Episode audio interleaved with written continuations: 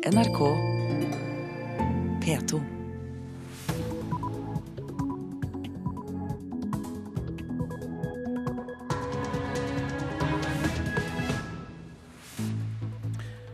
Øystein Heggen ønsker deg vel møtt til Nyhetsmorgen nå klokka 6.30 onsdag 18.9. Dette er hovedsaker. LO, oljeindustrien og Rederiforbundet står sammen om å kreve konsekvensutredning av oljeleting utenfor Lofoten, Vesterålen og Senja. Det burde hun ikke sagt, sier sentrale folk i Senterpartiet om Sandra Borch, som mente hun hadde kastet bort tiden som ungdomsleder. Jenny Klinge er en av kritikerne. Det er noe synd eh, for andre ungdommer som har lyst til å engasjere seg, det at det blir skapt et inntrykk av at eh, det å være leder i en, et ungdomsparti skal være bortkasta tid. Det er ikke slik det er. Hadde folk brydd seg mer, hadde antall overfallsvoldtekter vært lavere. Det viser undersøkelse. Men det er noen som tar ansvar. Hun snur meg, og rett her så ligger hun på bakken.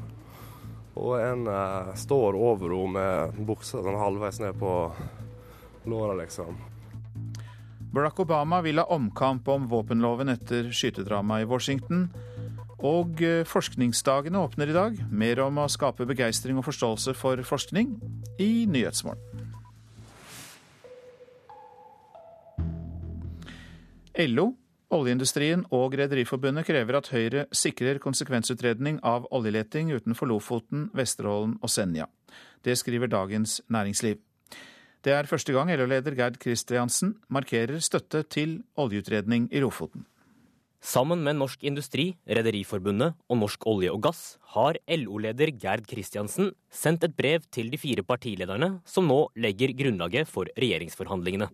I brevet heter det at en konsekvensutredning bør være gjennomført slik at den kan behandles i partiene i 2014. En konsekvensutredning er første skritt på veien mot oljeutvinning utenfor Lofoten, Vesterålen og Senja, men kan bli et sårt tema under sonderingene i Nydalen. Venstre og KrF er sterkt imot oljeboring.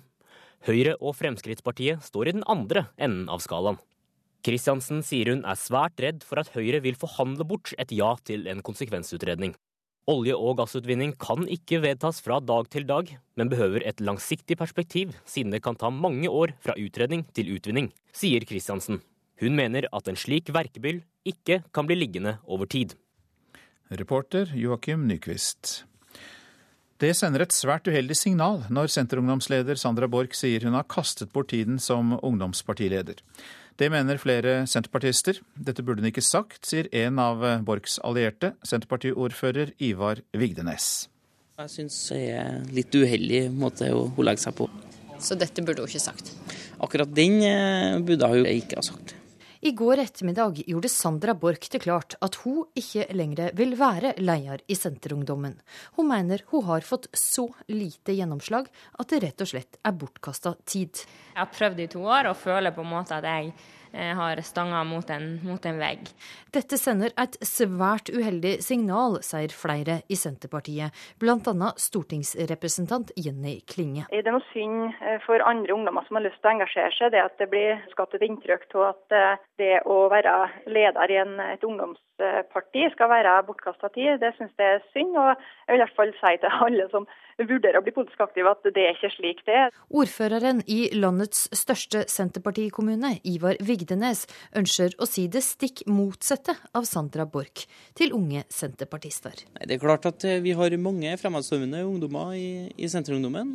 Jeg kjenner dem fra lokalt hold, hvor de bidrar meget aktivt til partiets utforming og, og framtid. Eh, og jeg har lyst til å si til dem at de kaster ikke bort tida si, i hvert fall gjør de ikke det hos oss. Og den som hadde loddet stemningen blant eh, Senterpartiledere, var eh, Astrid Randen. I Østerrike er mannen som drepte tre politibetjenter og en førstehjelpsarbeider funnet død. Levningene til mannen ble funnet i et hjemmested på foreldrenes gårdsbruk i natt. Flere hundre politifolk hadde omringet gården der den tungt bevæpnede mannen hadde forskanset seg. President Barack Obama ber igjen Kongressen i USA om å vedta strengere våpenlover i landet. Det skjer etter nok en skyteepisode der en mann drepte tolv personer på en marinebase i Washington DC mandag. I do get concerned that uh, this becomes a, a ritual that we go through every three, four months, where we have these horrific mass shootings, and yet we're not willing to take some basic actions that we know can make a difference. Det er bekymringsfullt at dette nærmest har blitt et ritual hver tredje-fjerde måned når vi har hatt en stor skyteepisode, sier Barack Obama. Presidenten har forsøkt å presse gjennom strengere våpenlover siden skolemassakren i Newtown i Connecticut i fjor. Men Kongressen har blokkert et vedtak. Derfor ligger ansvaret nå hos dem, sier Obama. I have now in the wake of Newtown, initiated a whole range of executive actions. We've put in place every executive action uh, that uh, I proposed right after Newtown happened. So I've taken steps uh, that are within my control. The next phase now is for Congress to go ahead uh, and move. Dette innslaget var laget av Stig Arild Pettersen. Tallet på overfallsvoldtekter kunne vært mye lavere dersom flere hadde turt å gripe inn. Det sier Ståle Pallesen ved Universitetet i Bergen. Ifølge en studie derfra er det 65% av dem som er vitne til et overfall som bryter inn eller ringer politiet. Kai Ole Ullebø var nettopp vitne til et overgrep midt i Bergen sentrum. Så småjogger jeg oppover her, da. Og hører at det er ei jente som skriker helt sånn intenst. Og snur meg, og rett her så ligger hun på bakken. Og en eh, står over henne med buksa sånn halvveis ned på låra, liksom. Han viser hvordan for få dager siden avverga det som kunne ha blitt ei voldtekt, midt i Bergen sentrum. Han er resepsjonist på Augustin hotell, og på nattevakt hørte han lyder utenfra og sprang ut på gata for å se hva som skjedde. Og jeg skriker til han. Ei! Og så ser han på meg beinflyr han nedover dette. Og Da ser du at det står sånn folk halvveis i vinduet og kikker ut, liksom. Bare i sommer er det anmeldt tre voldtekter midt i Bergen sentrum. Men hvordan kan det skje? Professor i psykologi ved UiB Ståle Pallesen mener altfor få tør å bryte inn dersom de er vitne til et overfall. Det var en undersøkelse hvor man eh, hadde en sånn voldtektssimulering, hvor en kvinne eh, og en mann da simulerte at denne kvinnen ble voldtatt i, parker, i et parkeringshus for å undersøke hvilken effekt eh, det hadde eh, i forhold til hjelpeatferd. Og hvis det bare var én person som kom eh, inn i dette eh, parkeringshuset, så var det da 65% av de tilfellene hvor vedkommende fikk hjelp. Han mener grunnen til at så få velger å bryte inn, kan forklares med den såkalte bystander-effekten. Altså at folk er redd for å gjøre feil eller dumme seg ut, eller bli skada sjøl. At mange voldtekter kunne vært unngått dersom flere hadde turt å bryte inn, er han ikke i tvil om.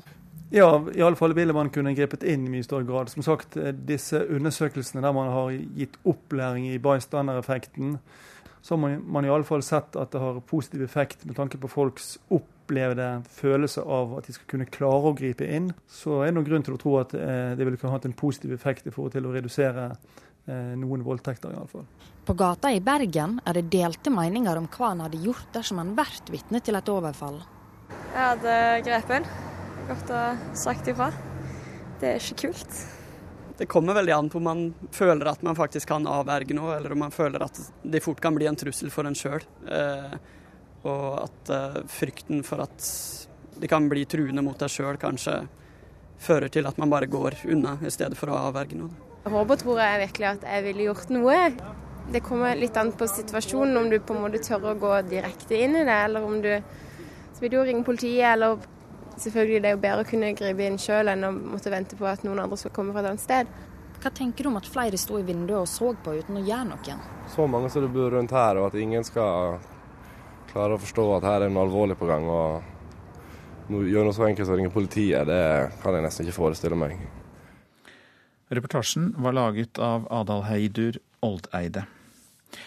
Når vi er på sykehus, så ønsker vi trygghet og sikkerhet. Det sier seg vel selv.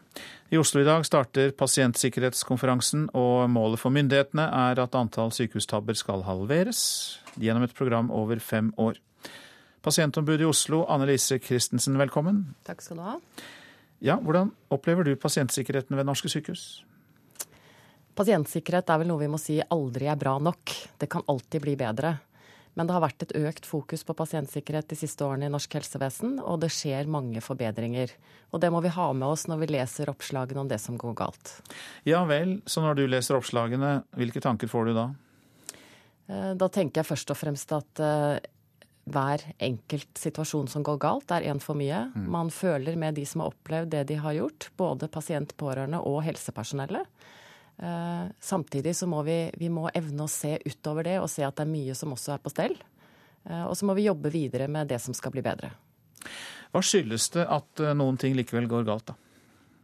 Jeg tror det er et litt sånn sammensatt bilde. Og jeg tror at noe av utfordringene på sykehusene i Norge er at de er for dårlig organisert. Det er for dårlig ledelse, rett og slett.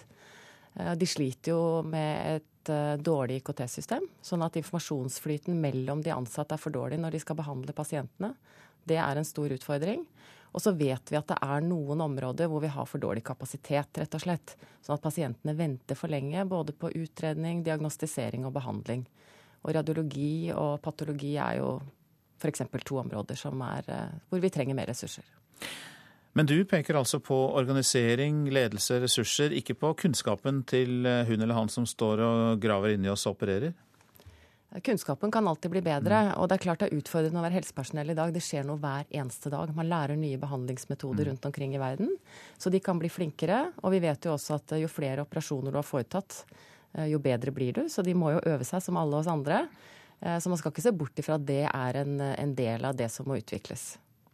Nå er det altså en pasientsikkerhetskonferanse i dag. Et langt ord om et viktig tema. Hva forventer du kommer ut av den konferansen?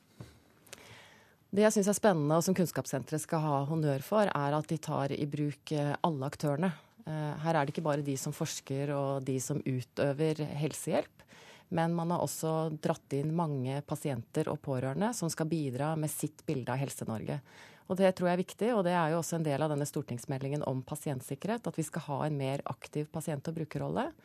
Og jeg tror at en av utfordringene for Helse-Norge er å bruke de feilene som gjøres. At de gangene man opplever uønskede hendelser, så må man bli flinkere til å virkelig dykke ned i det som har skjedd, og finne ut hvorfor skjedde det, og hva kan vi gjøre for å hindre at det skal skje igjen. Du er pasientombud, du møter folk som har eh, støtt på problemer, feil i eh, helsevesenet. Hvordan opplever eh, folk det, hvis det går an å si noe generelt om det, da? Altså Utgangspunktet, og, og, kanskje overraskende når man ser oppslagene ellers, men utgangspunktet er at folk har stor tillit. Uh, og den tilliten, og, og, pasienter er veldig tålmodige. Pasienter tåler veldig mye. Men det de syns er vanskelig, det er når feil ikke innrømmes. Uh, når ikke det blir satt av tid til å snakke de gjennom det som har skjedd, forklare de om mulig hvorfor det skjedde, og forsikre de om at dette ikke skal skje med andre. For det er pasientene veldig opptatt av når de klager, faktisk. At ikke det samme skal skje med andre pasienter. Hjertelig takk for at du kom på morgenkvisten til oss i Nyhetsmorgen, pasientombudet i Oslo, Anne Lise Christensen. Så skal jeg snakke litt om det avisene har på forsidene. Kriminelle nettverk i byggebransjen. Milliarder unndras offentlighet, skriver Aftenposten. Skatteetaten og politiet frykter mafiatilstander og kobler den lysskye byggebransjen også til narkotikahandel. Det var mye slåssing og blod, sier litauer til Bergens Tidende om å sone i hjemlandet. Han vil helst være i norsk fengsel. Utlendinger utgjør en tredel av alle innsatte i Norge, men nå kan flere bli returnert til hjemlandet. Siv Jensen presses av sine egne, skriver Dagbladet. Et klart flertall av de tillitsvalgte i partiet krever en strammere asyl- og innvandringspolitikk. Høyre låner ut sitt internasjonale nettverk for å renvaske Fremskrittspartiet, det er oppslaget i Dagsavisen. Søsterpartier av Høyre har fått oppklarende brev om Frp. Nordmenn er kritiske til muslimer. Nei, nordmenn er ikke, ikke kritiske til muslimer, skriver Klassekampen. Men så er det slik at vi misliker dem når de tar på seg sjal og hijab. Det er ny forskning som viser det. Det er altfor snill behandling av elbiler i Norge, sier forhandler Robert Ness til Bergensavisen. Avgiftsfritak og rabatter gir eiere av elbiler gode vilkår. Nå gjelder det å utnytte markedet, sier forhandleren. Nasjonen spekulerer i hvem som blir landbruksminister. Gunnar Gundersen fra Høyre, Line Henriette Hjemdal fra Kristelig Folkeparti eller Terje Breivik fra Venstre. De er i hvert fall blant kandidatene. St. Olavs hospital i Trondheim er eh, i norgestoppen i rask behandling, skriver Adresseavisen. Innleggelse, operasjon og hjemsendelse på samme dag er blitt regelen der. Venter massedød for butikker, skriver Dagens Næringsliv. Småbutikkene er i trøbbel, og ekspertene tror én av tre fagbutikker i Norge må legge ned i løpet av fem år. Troms Kraft får knusende dom. Inkompetent, dumdristig og ute av kontroll, kan vi lese i Nordlys. Milliardskandalen i dette kraftselskapet kunne vært oppdaget tidligere. Det viser granskningen. Markedstenkningen har inntatt bønnespråket, skriver Vårt Land. Forskere sier at språket i Den norske kirke reflekterer et brutalt menneskesyn, og at kirken formidler de samme rådene som moderne næringslivscoacher. Ned 100 kilo etter slankeoperasjon er VGs oppslag om det de kaller fedmekjendis Jørgen Foss. Han har vært på sin første sykkeltur på 13 år.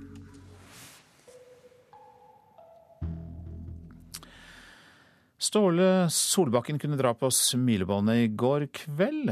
Bare en uke etter at han var tilbake som eh, trener for FC København, så sørget laget for en ny mesterligabragd hjemme i parken.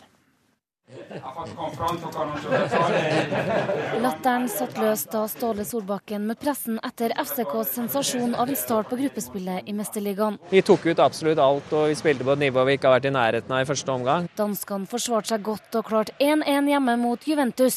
Smått sensasjonelt av klubben som sliter i bunnen av dansk superliga. Det er veldig lette i forhold til at uh, snultringen er borte, og med den gruppa vi kom i, så veit du at det kan bli tungt. og hvert mål vi skårer og hver eh, prestasjon vi kan eh, hoste fram eh, noe, så, så, er det positivt. Positivt er det også for sjefen sjøl, som regnes som den store redningsmannen i København etter returen til klubben for bare fire uker siden. Vi har ti-tolv treninger sammen, og ut fra det så har vi fått maks ut av det. Vi skulle selvfølgelig ha tatt et par poeng mer i Superligaen.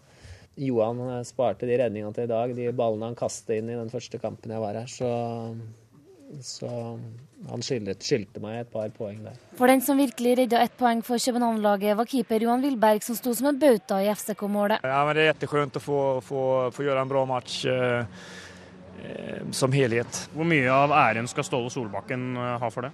Nei, men Det er klart at det, det vi gjør på, på planen, det er, jo, det er jo han som har som har en strategi som vi skal gå efter. Og, og, og, og Det gjorde vi i første halvlek, og da er vi et fantastisk bra lag, syns jeg, når vi, når vi gjør det vi skal. Og selvklart skal han ha en veldig stor kred at han, at han eh, har lest, lest, lest, på så bra som han gjorde. Reporter, det var Kristine Norvik Skeide. Dette er Petos Nyhetsmorgen. Klokka passerte nettopp 6.47, og vi har disse hovedsakene. LO, oljeindustrien og Rederiforbundet krever konsekvensutredning av oljeleting utenfor Lofoten, Vesterålen og Senja. Det sender et svært uheldig signal når senterungdomsleder Sandra Borch sier hun kastet bort tiden som ungdomspartileder. Det mener sentrale folk i Senterpartiet. Og hadde folk brydd seg mer, hadde antall overfallsvoldtekter vært lavere, viser undersøkelse. For få tør bryte inn om de er vitne til et overgrep, viser studie fra Universitetet i Bergen. En landsomfattende festival som skal skape stemning ja, begeistring og forståelse for forskning. Slik kan vi omtale forskningsdagene. Administrerende direktør eh, Arvid Hallén i Norges forskningsråd, god morgen til deg. God morgen. Hvordan skal jeg bli begeistret for forskning? Forskning er jo utrolig mye. Man kan eh, gå inn på nesten hva slags felt det skal være, og få en interessant samtale med en som kan utrolig mye om det. Over hele landet så kan man altså få anledning til det nå, disse nærmeste dagene? På 100 steder mer enn 1000 arrangementer kan man møte forskere. En av dem, en eh, relativt ung forsker, må vi absolutt si. Gry Flyge Vindedal, god dag til deg også. God morgen. Doktorgradsstipendiat og hjerneforsker. Og eh, du arbeider med en ny teknikk for å se inn i den levende hjernen. Det vil jeg gjerne høre mer om. Ja. Det er en veldig spennende teknikk, og vi er heldige nok til å jobbe på en lab som eh, er blant de største i Europa innen den teknikken. Den heter eh, tofoton laserskanning mikroskopi, så du må ta litt sats for å si det. Mm. Det er hovedsakelig en uh, mikroskopiteknikk eller en uh, live imaging-teknikk som gjør at man kan se inn i den levende hjernen. Og dette er jo relativt nytt i forhold til hvor man før måtte ta ut en hjerne, kappe den i tynne skiver og så se på den. Da får du på en måte bare et bilde av hva som skjedde akkurat når du tok ut hjernen. Mens her kan du jo følge dynamikken, prosesser som skjer i hjernen. Og dette er jo av eh, stor betydning, fordi eh, da får man på en måte et innblikk i hva som skjer eh, over tid. Og siden hjernen er et veldig plastisk organ som til stadig forandrer seg, og som hele tiden må være klar for å takle nye utfordringer i organismen, så er dette en veldig spennende teknikk. Det blir på en måte som å se en kino inn i hjernen, da. Jeg har brukt min hjerne til å forberede meg bitte lite grann. Eh, og jeg leste om at det er noe som blir kalt vannkanaler i hjernen som er oppdaget. Hva er det for noe? Vannkanaler er uh, vel rett og slett vannkanaler som er, man har i de aller fleste organer i kroppen. Man har de også veldig uh, tett uttrykt i hjernen. En, særlig en spesiell type som heter akvapurin nummer fire. Og helt siden de ble oppdaget, så har det vært en veldig het debatt om hva de egentlig gjør. Ehm, det er en vannkanal som transporterer vann inn og ut av hjernen, og de sitter i en spesiell celletype, som er den som vi forsker på, som heter eh, astrocytter. Eller en type gliaceller, som er en støttecelle i hjernen. Og eh, ja, det, de har vist seg å ha veldig mange forskjellige implikasjoner i forskjellige sykdomstilstander. Eh, mange sykdommer som rammer hjernen, eh, gjør at det samler seg en vannansamling rundt skadestedet. Noe som kalles et hjerneødem. Eh, på samme måte som du Når du tråkker over med ankelen, så blir den hoven. Det er fordi det samler seg vann der. Dette er litt mer farlig når det skjer i hjernen, fordi siden skallen er kompakt, så har ikke dette vannet noe annet sted å trykke enn inn på hjernen. Så mange pasienter som eh, lider av eh, hjerneødem, dør faktisk av selve ødemet, og ikke av skaden som eh, gjorde at det oppsto. Så disse vannkanalene har mange forskjellige betydninger i forskjellige sykdommer, og vi prøver å finne ut litt mer av hva de faktisk gjør, og særlig hva de kan gjøre eller om de har noen funksjon i normaltilstand, for det har ennå ikke blitt vist. Det er eh, spennende, Gry Flyge Vindedal. Vi går tilbake og tar det store bildet, Arvid Hallén. Eh, for hva er det viktigste budskapet til politikerne? Nå har de anledning til det nå når forskningsdagene står på dagsorden. Altså, vi er et kunnskapssamfunn. Kunnskap, utvikling av kunnskap, utdanning betyr mer og mer. Det betyr noe i det store bildet, det betyr i det små. Og eh, det vi gjennom forskningsdagene får fram, det er få alle de fantastisk flinke forskerne ut på gater og torg og snakke med folk og formidle fra sin forskning, slik som vi nettopp nå hørte. Og Det som viser seg, det er jo at det oppstår da utrolig interessante dialoger for begge parter. Og Hvordan skal vi sikre rekrutteringen? Ja, Det er jo bl.a. gjennom eh, det å bringe forskning inn i skole. Vi gjør jo eh, f.eks. noe i forbindelse med forskningsdagsmåneden. og det er å forskningskampanjen, hvor vi inviterer skoler til å gå inn i et helt konkret prosjekt og bidra. Vi har andre tiltak, men vi samler også skoleklasser på forskningstorgene rundt omkring i by, både byer og steder. Og vi ser en utrolig stor begeistring. Men disse forskningsdagene, er det da slik at jeg bare kan stille opp og bli klokere og få vite mer om forskning? Det er det. Det er eh, lagt ut program, og det er bilag, og det er, skal være mye informasjon. Og det er nesten ikke et sted hvor ikke du kan finne et eller annet arrangement. Og det, det som også er unikt med forskningsdagene, er jo at det er så mange ulike måter man formidler forskning på. Det er ikke bare foredraget, det er nesten Du kan være med på et tokt ut til fiskefelt. Du kan være med på et folkemøte og debattere eh, eh, det er jo vann og hav som er temaet i år, så det er mange ulike problemstillinger knytta til det. Hjertelig takk for at dere kom til oss på morgenkvisten. Arvid Hallén der i Norges forskningsråd og doktorgradsstipendiat Gry Flyge Vindedal. Takk skal dere ha.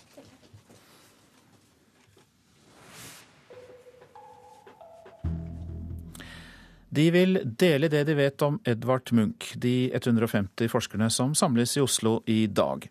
Denne konferansen er en del av 150-årsjubileet for kunstneren, og den største konferansen som er arrangert om Edvard Munch. Det er virkelig flott å se at eh, interessen for Munch eh, er så bred. May-Britt Guleng er ansvarlig for konferansen, som arrangeres av Nasjonalmuseet, Munch-museet og Universitetet i Oslo. Hun får besøk av forskere fra bl.a. USA, Canada, Storbritannia, Spania, Polen og Nederland. I Norge har det vært lite forskning på Munch de siste årene, men håpet med konferansen er å blåse liv i en ny interesse også her i landet. Det som jo er så fascinerende med Munch, er at nesten uansett hva du gjør, hvilken stein du snur på, så er det noe spennende som dukker opp. Og sånn er det ikke med alle kunstnere. Fordi det er mange som, som er litt mye kjedeligere. Han er rett og slett veldig spennende, og det, det tror jeg vi ser i dette levende forskningsmiljøet. Jeg syns jo det er utrolig interessante tekster. Det er jo derfor jeg har valgt å, å holde på med det. Litteraturviter Elin Kittelsen er av neste generasjon Munch-forskere. Hun skriver masteroppgave om tekstene Edvard Munch skapte, og skal holde innlegg om sine funn senere i dag. Jeg skal holde et innlegg om en tekst Munch publiserte, som heter Alfa og Omega. Og jeg vet at flere av de andre som kommer, har jobba med kunst, da. Eller jobba med den perioden eh, sånn rundt 1910. Så de er jo eksperter på det, egentlig. Så det blir veldig gøy å høre om de har noen innspill da, som jeg kan ta med meg videre. Fire dager i Oslo gir rom for å knytte kontakter på tvers av landegrenser. Og forhåpentligvis skape grobunn for ny forskning, forteller May-Britt Guleng ved Nasjonalmuseet. Vi er jo veldig opptatt av eh, at Munch skal oppleves som en kunstner det er eh, relevant å forske på. Og det tror jeg også nettopp noe ved kunsten hans at, at, eh, at den oppleves som så relevant i dag, også for betrakteren. Den er jo ikke datert, den, ikke, den, oppleves som frisk. Og det tror jeg også er noe av, av grunnen til at, at, det vekker sånn interesse ved universiteter og, og museer rundt omkring i verden. Reportere her Thomas Alvarstein Ove og eh, Heidi Røneid. Trondheim ønsker igjen å bli et sentrum for orgelmusikk, sier prosjektleder Per Fridtjof Bondsaksen. For eh, Steinmeier-orgelet til Nidarosdomen har vært til restaurering i Sveits et år, og nå skal det bygges opp igjen. Ja, Nå skjer det innbæring rett og slett fra den første traileren som kom i går. da. Så kommer det nye trailere etter hvert. De aller første delene av det ærverdige Steinmeier-orgelet har nettopp kommet fra Sveits. Utenfor Nidarosdomen står to trailere, ei kran og en trøkk. Rundt ti menn og kvinner lemper mørkegrå treklosser og planker inn i katedralen. Det føles veldig bra. det gjør det. Jeg har venta veldig på dette. da. Det er jo så mye som kan gå galt også, men det har det ikke gjort. Det sier Per Fridtjof Bonsaksen, orgelfaglig prosjektleder. For Steinmeier-orgelet fra 1930-tallet har vært på en lang reise. I september i fjor ble de 10 000 pipene plukka ned og sendt til Sveits for restaurering. Så Nå er det den fysiske oppbyggingen som vil skje utover frem mot jul. Og så blir det justeringen av den enkelte pipe. Og det er jo snakk om nesten 10 000 piper. Hver enkelt skal da behandles utover våren. En lang prosess. Men aller først skal Nord-Europas største og mest sjeldne orgel få seg et orgelhus. For det har mangla i over 50 år. Fordi at eh, det, Orgelet tidligere har ikke hatt sitt eget orgelhus. Så nå får det for første gang faktisk siden 1930 sitt eget hus å, å, stå i. Så det, det blir det nye, da.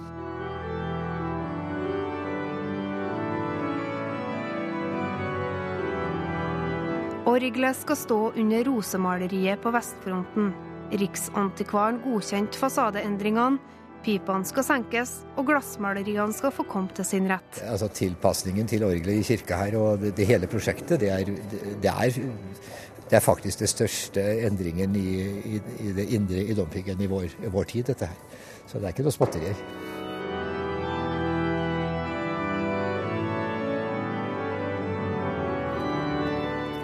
Prislappen på den nesten to år lange restaureringa er på 53 millioner kroner. I tillegg vil et nytt kororgel på motsatt side av Steinmeier-orgelet også bli restaurert. Altså Trondheim vil igjen bli et senter altså, for orgelmusikk. Nidarosdomens musikkliv og Trondheim og landet der kan du bare kjøre på, altså, vil, vil bli atskillig rikere etter dette her. Det er, det er en svær sak vi, vi snakker om. Altså. Og Steinmeier-orgelet skal stå ferdig til 17. mai i 2014. I mellomtida blir det gamle barokkorgelet brukt flittig.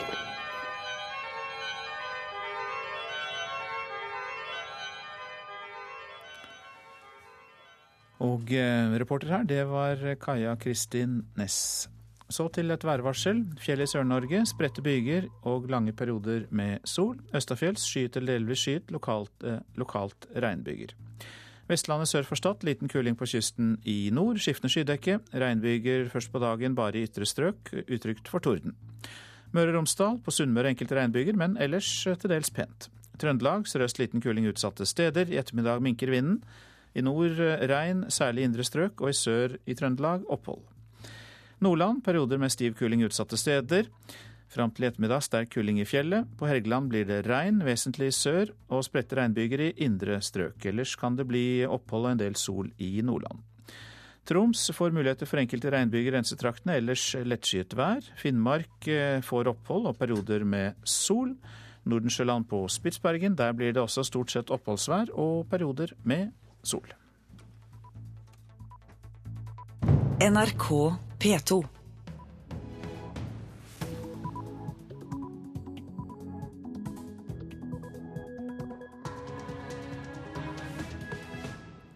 P2s Nyhetsmorgen lytter du til. Nå klokka sju er dette våre hovedsaker.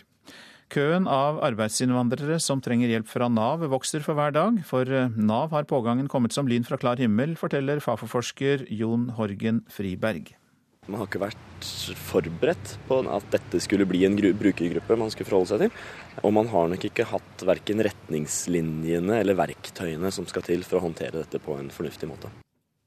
På under to uker har Oslo-politiet pågrepet over 50 vestafrikanere for narkotikalovbrudd. NRK var med natta da ti av dem ble tatt. Eh, men det er som sagt pengene som regjerer, og hvis inntjeningsmuligheten blir lavere, ja da kommer det færre. LO, oljeindustrien og Rederiforbundet står sammen om å kreve konsekvensutredning av oljeleting utenfor Lofoten, Vesterålen og Senja. I valgkampen frister de borgerlige partiene med nye studentboliger og mer stipend og lån. Men så spørs det om regjeringsforhandlingene kan ende med at studentene må velges bort. Det får vi mer om etter hvert i sendinga. Køen av arbeidsinnvandrere som trenger hjelp fra Nav vokser for hver dag, men det er nokså tilfeldig hva slags hjelp de får.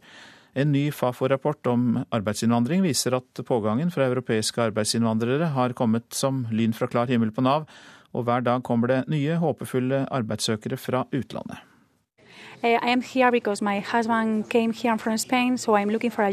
Spanske Faustina Molina er slett ikke alene på Caritas sitt informasjonssenter for immigranter i Oslo. Det er tidlig på dag, men lufta er allerede tung mellom de hvite murveggene. Så langt i dag er det 30 stykker som har skrevet seg inn i, gjesteboka. Og det vi ser nå er at det er ganske mange spansktalende. Så er det dels polsktalende, så er det rumenere. Morten Stensberg er leder på det katolske hjelpesenteret. Han vet at manglende norskkunnskaper kommer til å stoppe mange av de som sitter rundt oss. De siste åra er det kommet rekordmange arbeidsinnvandrere til Norge. En del av de banker altså nå på døra til Nav, men det er litt tilfeldig hva som møter de der, forteller Fafo-forsker Jon Horgen Friberg. Det er en stor forvirring i Nav-systemet når det kommer til hva slags rettigheter EØS-borgere faktisk har i Norge. Og, denne forvirringen bidrar nok til mye frustrasjon, både blant Nav-ansatte og blant mange av de EØS-borgerne som oppsøker Nav. De fleste som kommer til Norge for å jobbe, havner i utkanten av arbeidslivet. De får usikre jobber, ofte tungt kroppsarbeid i lågstatusyrke. Men Nav har altså ikke sett for seg at arbeidsinnvandreren skulle komme dit. Kanskje når ryggen ser stopp etter mange dager med tunge løft. Man har ikke vært forberedt på at dette skulle bli en brukergruppe man skulle forholde seg til. Og man har nok ikke hatt verken retningslinjene eller verktøyene som skal til for å håndtere dette på en fornuftig måte. Friberg foreslår at Nav starter med å informere egne ansatte. Det er helt klart en, et behov for en litt sånn praktisk opprydding av Nav-regelverket i forhold til altså bare, bare, for å motvirke den forvirringen som uh, faktisk er i Nav-systemet. Og det andre er å få effektive virkemidler som kan formidle arbeidsinnvandrere tilbake i arbeidslivet, og gjerne andre deler av arbeidslivet enn der hvor de har først blitt, blitt rekruttert. Og da trenger man man trenger mulighet til å kunne bygge på og anerkjenne den kompetansen de har med seg, og formalisere den kompetansen folk har med seg fra hjemlandet, og det trengs språkopplæring. Tilbake til Caritas er Morten Stensberg ikke i tvil om hva som er nøkkelen for de som vil inn i norsk arbeidsliv. At de må lære seg norsk, for det det er den eneste måten de kan integreres godt i det norske samfunnet. Står det på utsiden av det norske språket, så står det på mange måter på utsiden av den norske kulturen. Og det tror jeg vi må ta på, på mye større på alvor. Spanske Faustina er utdanna språklærer og har nok bedre sjanse enn mange andre til å lære seg norsk. Men det er vanskelig. It is very difficult. but I, I think that I, I'm going to, well, I, I hope to speak Norwegian as soon as possible in order to look for a job.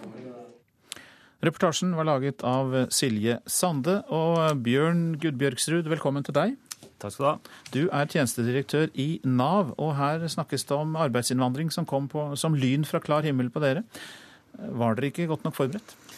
Altså Begrepet 'lyn fra klar himmel' kjenner jeg meg nok ikke helt igjen i. Og vi har jo erfaring fra tidligere. Altså når finanskrisen eh, traff Norge så vidt det var, eh, tilbake i 2009, så fikk vi også en stor bølge av arbeidsinnvandrere.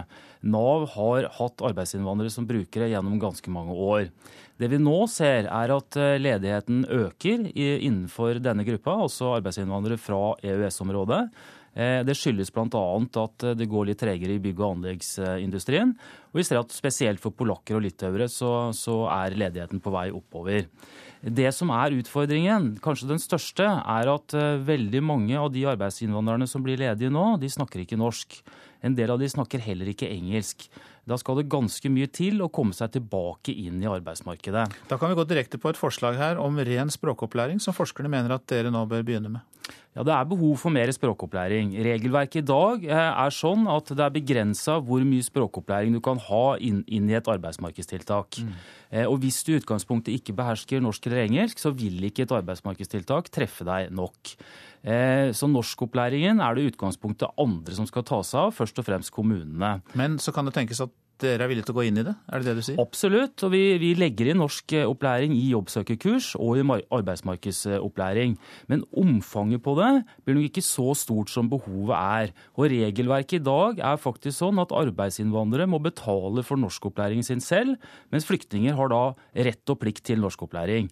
Eh, det å, å, å skaffe seg norskopplæring er for mange dyrt, eh, og vi ser at eh, vi kanskje ikke alltid får nok i forhold til det som er det reelle behovet. Og så sies det her at det er forvirring, stor forvirring til og med i Nav-systemet om rettighetene for EØS-borgere. Hva sier du til det? Det er sånn at Noen rettigheter er regelbaserte. Det gjelder sånne ordninger som dagpenger, barnetrygd, kontantstøtte. Og De er enklere? De er enkle å forholde seg til. Stort sett. Eh, så er det andre ordninger som er skjønnsbaserte. Det gjelder f.eks. arbeidsmarkedstiltak. Arbeidsmarkedstiltak er ikke en rettighet. Eh, det er en, det er en ordning som noen kan få, men det er flere som trenger det enn det er tiltak tilgjengelig. Ergo så må det prioriteres. Eh, og det gjelder også for denne gruppen. Og her sliter dere med å prioritere. Det er det forvirringen går på, da? Nei, Jeg vil ikke si vi sliter, og vi har gitt ut en ganske detaljert veileder for hvordan vi skal følge opp EØS-borgere. Men volumet er stort, og vi ser det er økende. Eh, bare for å ta ett eksempel, så er det altså 44 språkgrupper i Stavanger. Og det skal ganske mye til at våre veiledere på Nav-kontor skal beherske så mange språk. I Oslo nå så kjører vi to informasjonsmøter i uka. Vi kjører de på engelsk, og vi har da også veiledning på 10-15 språk. Så vi gjør ganske mye eh, i forhold til EØS-borgerne i Norge. Og jeg tror ikke vi har noe å skamme oss for i forhold til hva andre land innenfor EU-systemet gjør. Faktisk tvert imot, vil jeg si. Så til et kjernespørsmål her. for eh, det, Hvilken rolle skal dere ha? Skal dere sørge for å få disse sluset inn i den norske velferdsstaten på en varig basis? Eller er det sånn at dere bare skal holde unna og hjelpe dem når de er ledige? For det er litt sånn to forskjellige grunnholdninger her. Det viktigste tenker jeg, det er at vi unngår det som skjedde for en del arbeidsinnvandrere på 70-tallet. Mange av de som kom og gjorde en viktig jobb da, Eh, endte opp på varige trygdeytelser. Det må vi gjøre hva vi kan for å unngå i dag. Eh, og Det må være også en hovedoppgave for Nav. Men igjen så er også nøkkelen til suksess for å integrere arbeidsinnvandrere i arbeidsmarkedet, det er språk. Vi trenger mer språkopplæring, eh, og vi trenger mer omfattende språkopplæring enn det vi har muligheten for å tilby innenfor regelverket i dag. Der er i hvert fall du og forskerne helt enige, Bjørn Gudbjørgsrud. Takk skal du ha. Du er tjenestedirektør i Nav. LO, Norsk Industri og Rederiforbundet krever sammen med oljeindustrien at Høyre og Fremskrittspartiet sikrer konsekvensutredning av oljeleting utenfor Lofoten, Vesterålen og Senja. LO-leder Gerd Kristiansen sier partiene i regjeringsforhandlingene ikke må glemme arbeidsplassene i Nord-Norge. For oss så handler det om utvikling og det handler om arbeidsplasser. Det er jeg ikke tvil om. Du får nedtrapping på andre felt. Og gis det mulig for utvinning i Lofoten, Vesterålen, så mener jo vi at det vil gi både eh, arbeidsplasser i næringa, men også store ringvirkninger med leverandørindustrien. Det er første gang Kristiansen på denne måten markerer sin støtte til en oljeutredning i Lofoten. Konsekvensutredning er første steg på veien til åpning av det omstridte området rundt Lofoten, Vesterålen og Senja. Fellesforumet Konkraft med LO, Norsk Industri, Norsk olje og gass og Rederiforbundet sendte derfor mandag et brev til de fire partilederne som sonderer mulighetene for en felles regjeringsplattform i disse dager. Industrien og LO mener arbeidet med å åpne området må starte senest i januar neste år fra regjeringens side. Men Venstre og Kristelig Folkeparti vil ikke ha noen konsekvensutredning i kommende stortingsperiode. Tiden er overmoden for å utrede området, sier administrerende direktør Stein Lier-Hansen i Norsk Industri.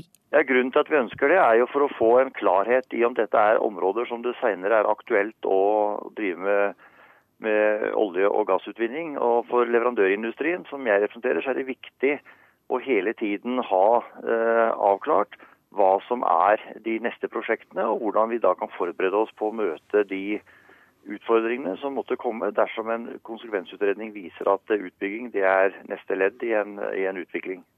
Og nå håper dere at uh, Høyre og Fremskrittspartiet skjønner alvoret som toneangivende parter i forhandlingene. Uh, hvorfor er det så viktig å, at dere i Kontraft uh, nå går sammen om dette? Og krever ja, dette? Konkraft jobber hele tiden for å gi norsk sokkel konkurransekraft. Det er Konkrafts oppgave. Og Derfor mener vi at nå er tiden overmoden for å få et ja til en konsekvensutredning, sånn at vi får avklart hva som skal skje i det området i åra framover. Reporter her, det var Hedvig Bjørgum. De fire borgerlige partiene har alle lansert kostbare løfter til studentene gjennom valgkampen. Bl.a. flere tusen studentboliger og mer i stipend og lån. Men eh, studentene kan fort tape når partiene i regjeringsforhandlingene må velge bort dyre løfter. Det har nemlig skjedd før, sier leder Ola Magnussen Rydje i Norsk studentorganisasjon. Eh, alle de borgerlige partiene har veldig mange gode tiltak og gode løfter i partiprogrammene sine.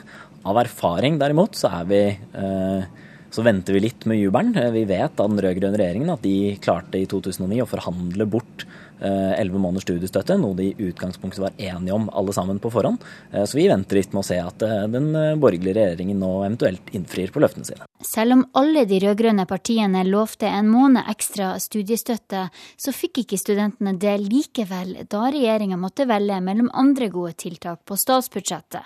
Og heller ikke Soria Moria-løftet om mer permisjon og studiestøtte til studenter med barn ble holdt. Likevel så tror og krever Rydje at studentene får mer av det de er blitt lovet, når kampen om midlene på statsbudsjettet starter denne gangen. Nå har jo alle de borgerlige partiene nå vært i opposisjon en stund, og har rakka ganske mye ned på den rød-grønne regjeringen for at de ikke innfridde på bl.a. 11 måneders studiestøtte, eh, eller har bygd flere studentboliger. Eh, så jeg vil si at det vil være ganske pinlig nå for den, en eventuell ny regjering om de ikke innfrir på hvert fall enten studentboliger eller studiestøtte, og da gjerne må de innfri på studentboliger, da, mener vi. Holder de ord er en uavhengig organisasjon som måler om politiske partier holder løftene sine. Daglig leder Daniel Rees tror studentene har grunn til å ha store forhåpninger, både når det gjelder økt studiestøtte, og spesielt i forhold til løftene om flere studentboliger. For neste periode så har det blitt en slags budkrig om eh, hvem som lover flest nye studentboliger.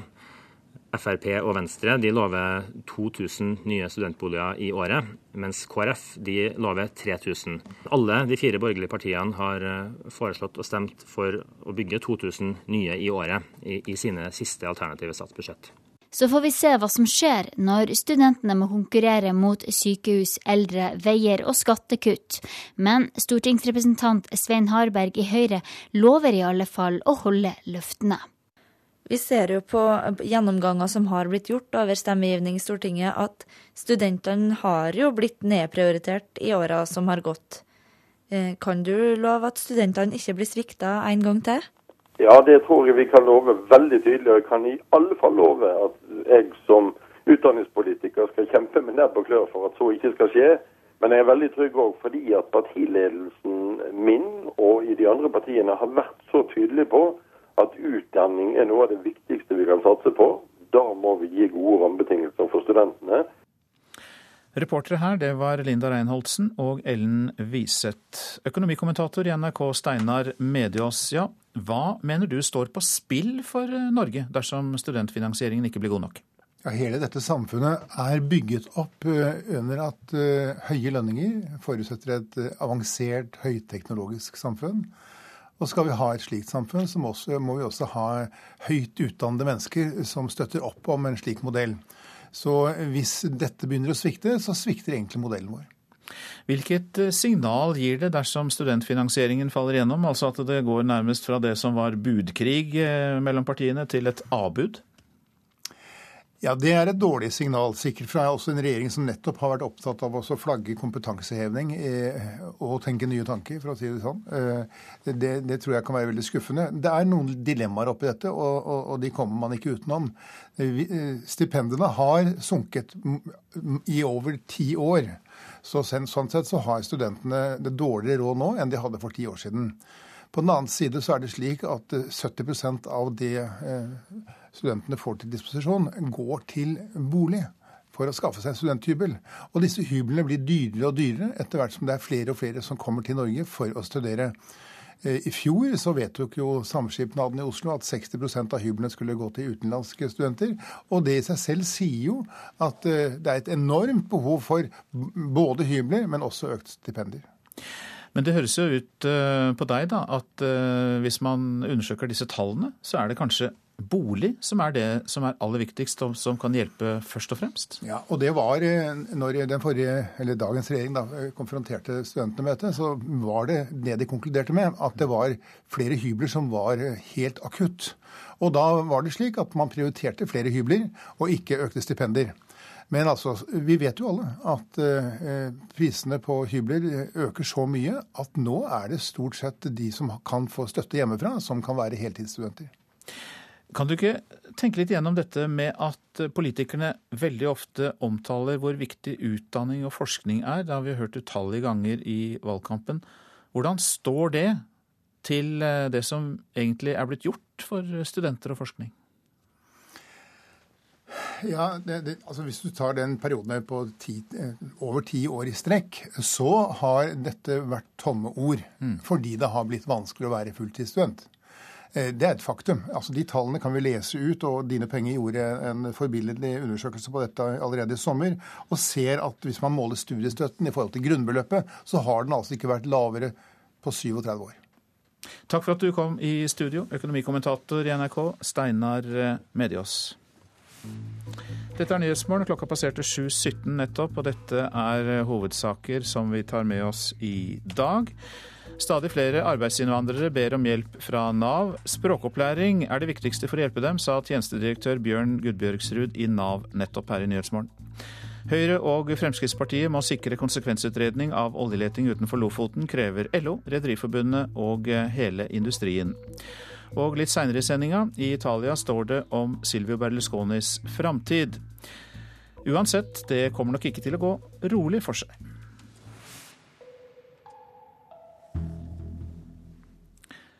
På mindre enn to uker har Oslo-politiet pågrepet over 50 kriminelle vestafrikanere for narkotikalovbrudd i sentrum av Oslo. Aksjonen ses på som en av de største mot denne gruppen. NRK Dagsnytt var med sivile politifolk ut i helgen, da områdene rundt Karl Johan var målet. Ta fokus på han. Han driver og ringer og styrer. Han er ansiktet Sambandet går jevnt inn i en av flere sivile politibiler som kjører usynlig rundt i Karl Johans-området i Oslo sentrum natt til søndag. En ensom gatemusikant prøver å sjarmere lørdagsbrisende folk som vaser forbi. Han vet ikke at det yrer av politispanere rundt ham. Det gjør heller ikke den vestafrikanske narkotikaselgeren like ved, idet han tilbyr nettopp en sivil politimann sine varer. Ved siden av blomster eh, alderen der. Har du tenkt å pågripe han nå? Er det det som er Vi ønsker å komme inn der hvor han eh, ikke lenger kan forklare det som noe annet enn det det faktisk er. Vi har også eh? Plutselig er tre menn i vill spurt på vei nedover sikkerskinnene. En stressa narkotikadealer først, og to politifolk rett bak. I et tempo som gjør at reporteren bare kan glemme å holde følge. Totalt blir ti personer tatt denne natta for narkotikakriminalitet. I snart to år har Oslo-politiet jobbet med store ressurser inn mot de kriminelle vestafrikanerne. De siste to ukene har de hatt en større satsing inn mot miljøet. Det forteller politioverbetjent ved Oslo politidistrikt Harald Bøhler. vi har pågrepet mer enn 50 personer for brudd på narkotikalovgivningen. Og så har vi pågrepet mer enn 10 personer for brudd på utlendingslovgivningen. Eh, så antallet personer pågrepet er høyt. Til tross for aksjonering, Bøhler innrømmer at det er umulig å ha en nullvisjon mot kriminelle vestafrikanere. Ja, Vi ser det at det er nærmest et utømmelig marked for å få disse oppover fra Syd-Europa, hvor det er veldig veldig mange av disse. Eh, men det er som sagt pengene som regjerer, og hvis inntjeningsmuligheten blir lavere, ja da kommer det færre. Har dere sett noe som minner om det? At det skjer? Ja, Det var en meget høy økning av antall kriminelle vestafrikanere eh, fram til vi starta prosjektet for halvannet år siden. Eh, og nå mener vi at det stagnerer. Dette kan vi ikke ha noen nullvisjon på, for dette er et problem som er utbredt i hele Europa. Eh, men vi mener at dette har positive effekter i forhold til Norge. Og de som skal gjøre det mindre attraktivt for vestafrikanske kriminelle å selge narkotika i Oslo, har nok å ta av. Men Det er jo bare snakk om et ressursspørsmål. For det har jo vært eh, Vi kunne jo tatt eh, uendelig mange når vi følger på folk. Og selgere. Så blir vi jo kontakta av nye selgere mens vi allerede jobber med noen. Denne reportasjen var laget av Ellen Borge Christoffersen. I kveld skal en eh, komité i det italienske senatet stemme over Silvio Berlusconis framtid. Går det slik de fleste tror, så vil de stemme for at Berlusconi mister plassen i senatet. Men det kommer nok ikke til å bli noen eh, rolig sorti. Alle 15 la sentenza della Corte di Cassazione sul lodo Mondadori. Igjen er Berlusconi på topp i de italienske nyhetssendingene. Den omstridte politikeren har i flere dager stengt seg inne i villaen sin utenfor Milano. Der har han tydeligvis klekket ut en ny mediestrategi. I dag, bare timer før han kan få senatorkomiteen mot seg, kommer Berlusconi på TV-kanalen Rai Uno til å vekke sitt gamle parti Forza Italia til live igjen.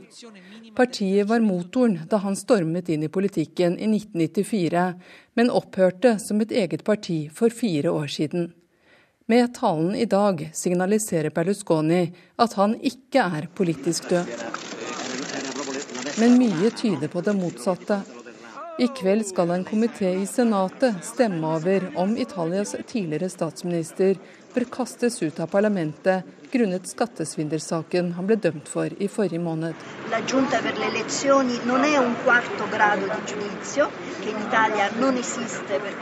Loven er klar, dommen er klar. Denne senatorkomiteen er ingen domstol. Tre rettsinstanser har allerede sagt sitt i så måte. Våres oppgave er å forsvare rettsstaten, sier senator Stefania Pesopane i Det demokratiske partiet. Først skal komiteen stemme over Berlusconis sete i Senatet. Senere skal hele Senatet ta en avgjørelse i det samme spørsmålet. Utfallet der blir sagt å være en ren formalitet. Berlusconi har flere ganger truet med at hans Frihetsparti vil tre ut av regjeringen og skape en politisk krise hvis han blir utestengt fra politikken. Hans partisekretær og statsråd Angelino Alfano sier til italienske medier at de vil ta en avgjørelse om det innen fredag. For Berlusconi er avstemningen i dag første etappe av flere på det som kan se ut som en politisk sorti. I neste måned skal en domstol i Milano avgjøre om han skal miste retten til å inneha politiske verv. Europakorrespondent Åse Marit Befring. Så til det avisene skriver om i dag. Kriminelle nettverk i byggebransjen. Milliarder unndras offentlighet, skriver Aftenposten.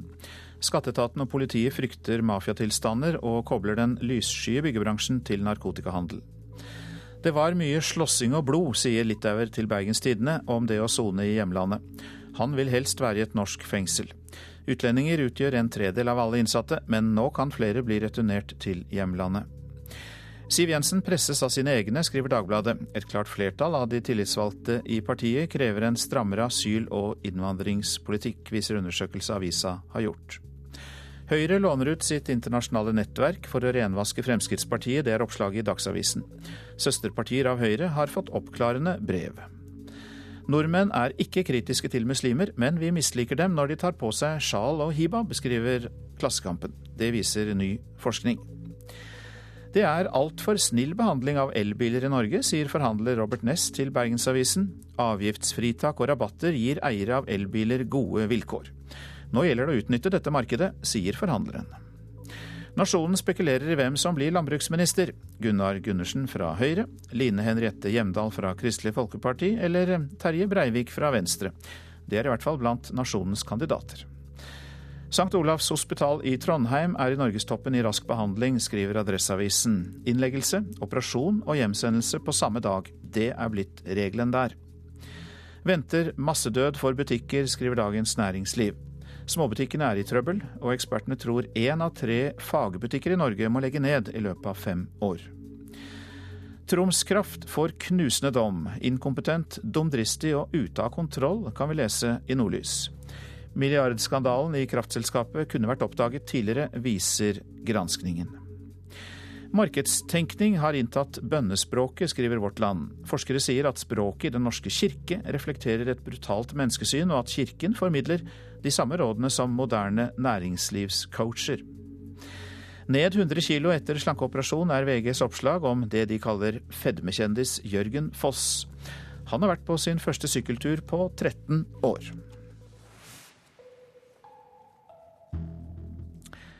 Nettstedet legelisten.no har i over et år formidlet vurderinger av fastleger, og nå er det også utvidet til å gjelde tannleger. Anne Solås er tannlege på Biri, og eh, vi var med da hun for første gang var inne og leste tilbakemeldinger fra pasienter. Nei, legelisten Øverste. Tannlege Anne Solås på Biri leter seg sjøl opp på legelisten.no. Det er et nettsted hvor pasienter kan komme med tilbakemeldinger på leger og tannleger. Det er jo en hyggelig melding. Det er jo det. Det er bare én melding, da, så det er kanskje litt lite representativt. ja. Men Hva tenker du som tannlege om at folk kan gå inn og vurdere sånn? Nei, altså i utgangspunktet så er det jo greit at folk kan vite litt hva de går til, men som sagt det er jo lite representativt med bare én melding.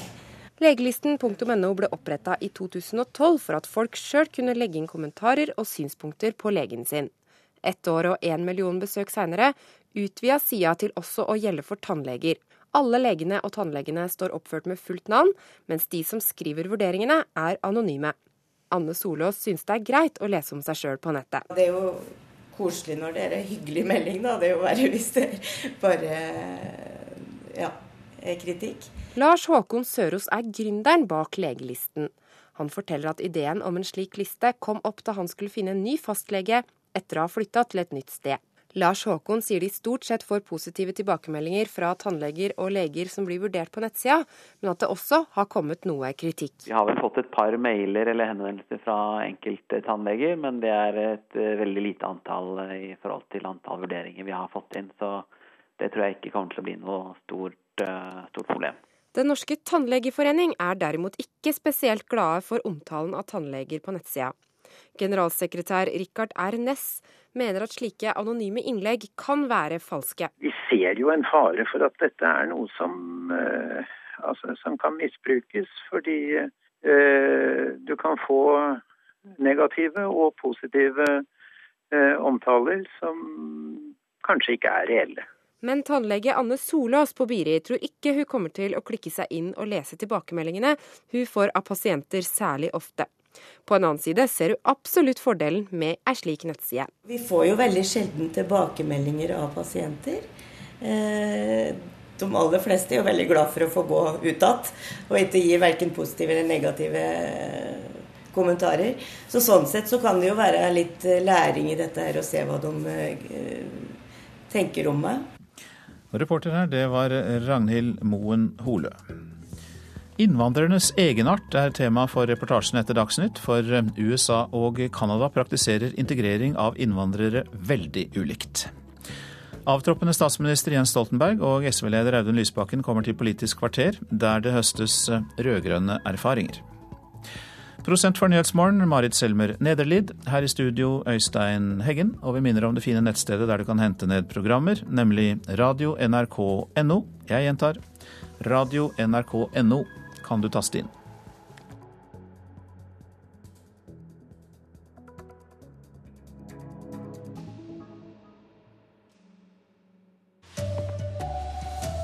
De kom hit for å jobbe, men nå ber stadig flere arbeidsinnvandrere om hjelp fra Nav. LO krever at Høyre sikrer utredning av oljeboring utenfor Lofoten. Oslo-politiet har pågrepet over 50 vestafrikanere for narkotikakriminalitet bare de siste to ukene. Her er NRK Dagsnytt, klokken er 7.30. Køen av arbeidsinnvandrere som trenger hjelp fra Nav vokser nå for hver dag. Det er ganske tilfeldig hva slags hjelp de får, for en ny Fafo-rapport viser at den store pågangen fra europeiske arbeidsinnvandrere har kommet overraskende på Nav.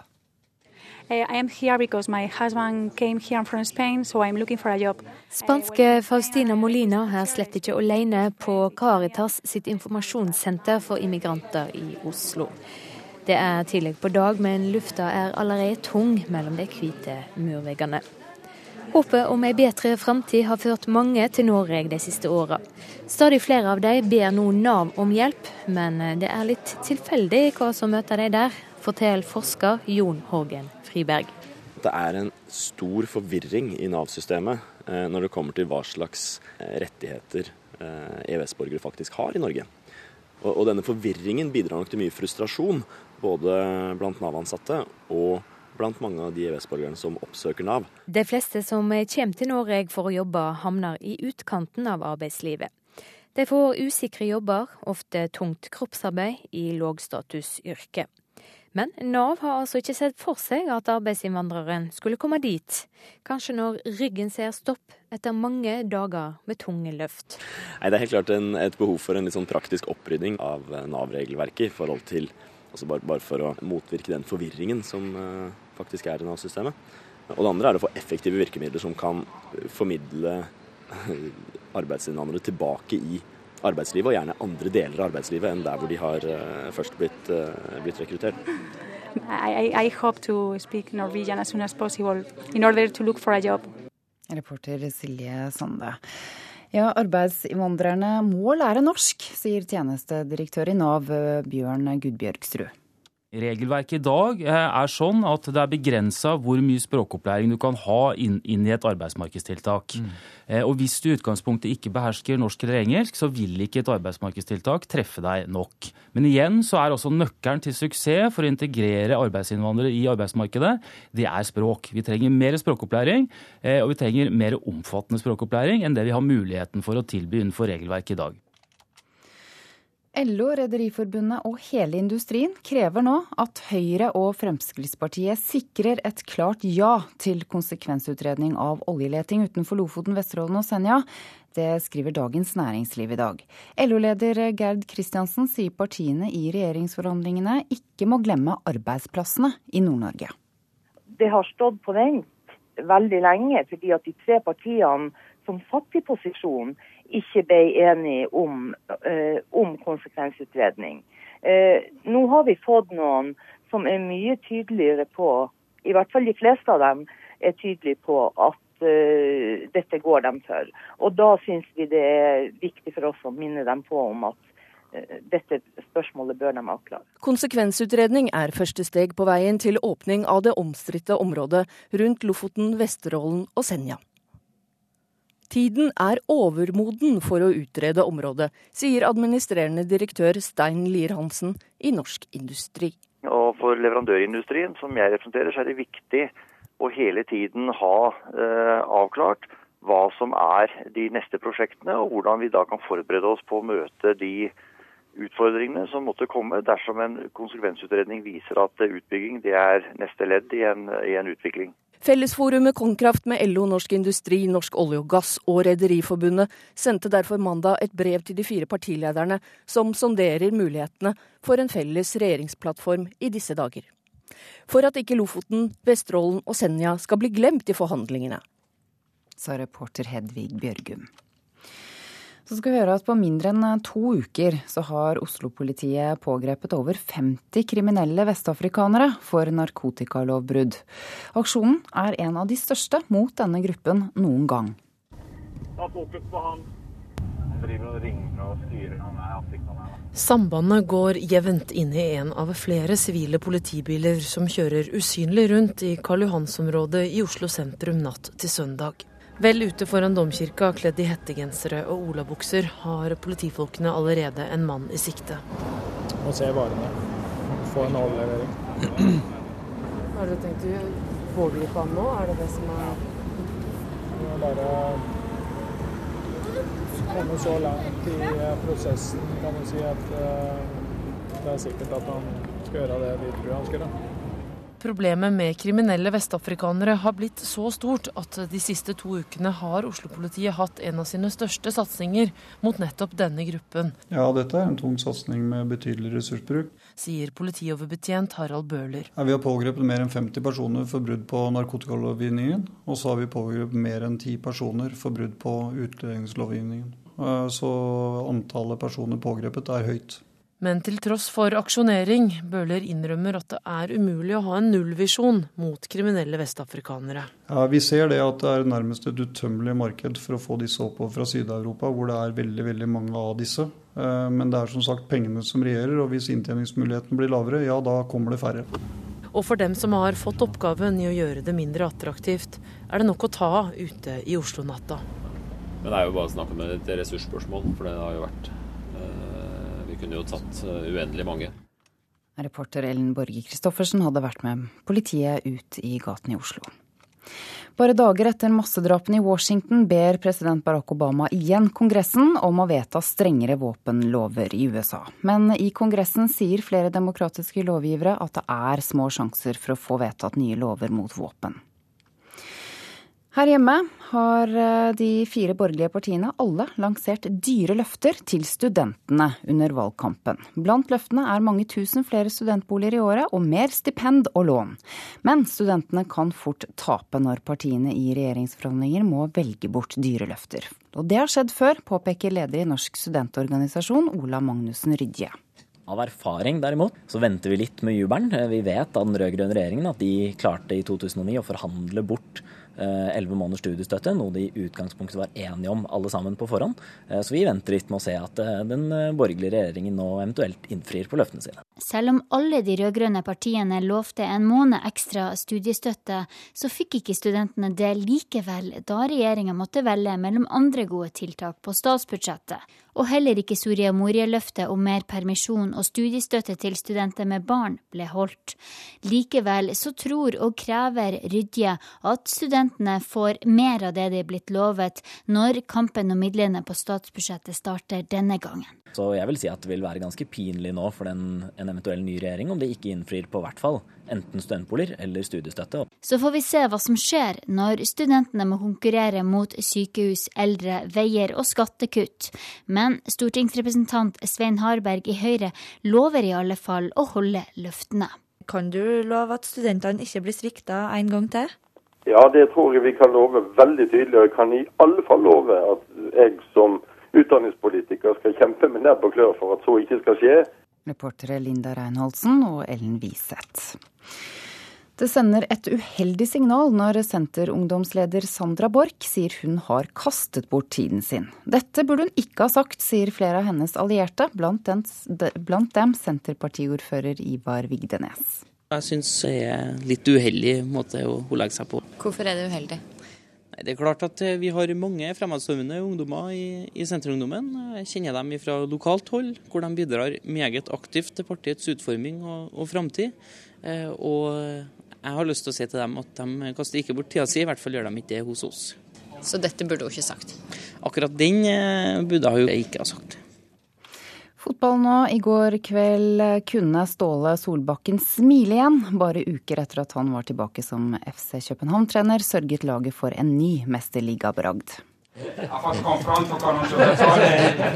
Latteren satt løs da Ståle Solbakken møtte pressen etter FCKs sensasjon av en start på gruppespillet i Mesterligaen. Vi tok ut absolutt alt, og vi spilte på et nivå vi ikke har vært i nærheten av i første omgang. Danskene forsvarte seg godt og klarte 1-1 hjemme mot Juventus. Smått sensasjonelt av klubben som sliter i bunnen av dansk superliga. Det er veldig lette i forhold til at eh, snultringen er borte, og med den gruppa vi kom i, så veit du at det kan bli tungt. og hvert mål vi skårer og hver eh, prestasjon vi kan eh, hoste fram noe, så, så er det positivt. Reporter Kristine Norvik Skeide. Ansvarlig for denne sendingen er Eirik Ramberg, Hanne Lunås og Ida Creed.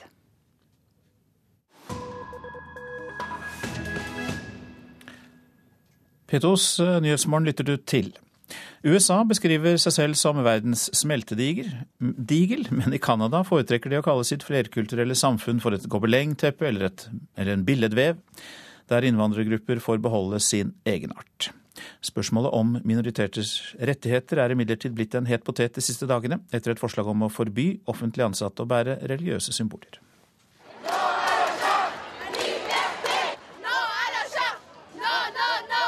Nei til chartere og diskriminering. Frihet, ropte flere tusen mennesker som demonstrerte i Quebec-provinsens største by Montreal sist lørdag. En mangfoldig samling av muslimske kvinner med hijab, turbankledde sikher og kristne som bar på store kors. Noen jøder med kalott var det også, selv om arrangementet ble lagt til jødenes helligste dag, jom kippur.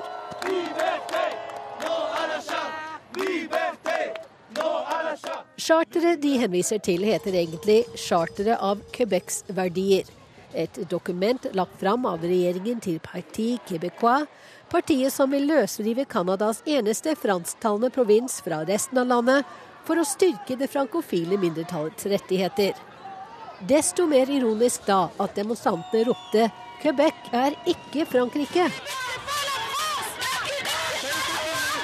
For det partiet Québécois vil innføre nå, er det Frankrike gjorde for vel to år siden. Forby offentlig ansatte å bære religiøse klesplagg og andre symboler mens de er på jobb.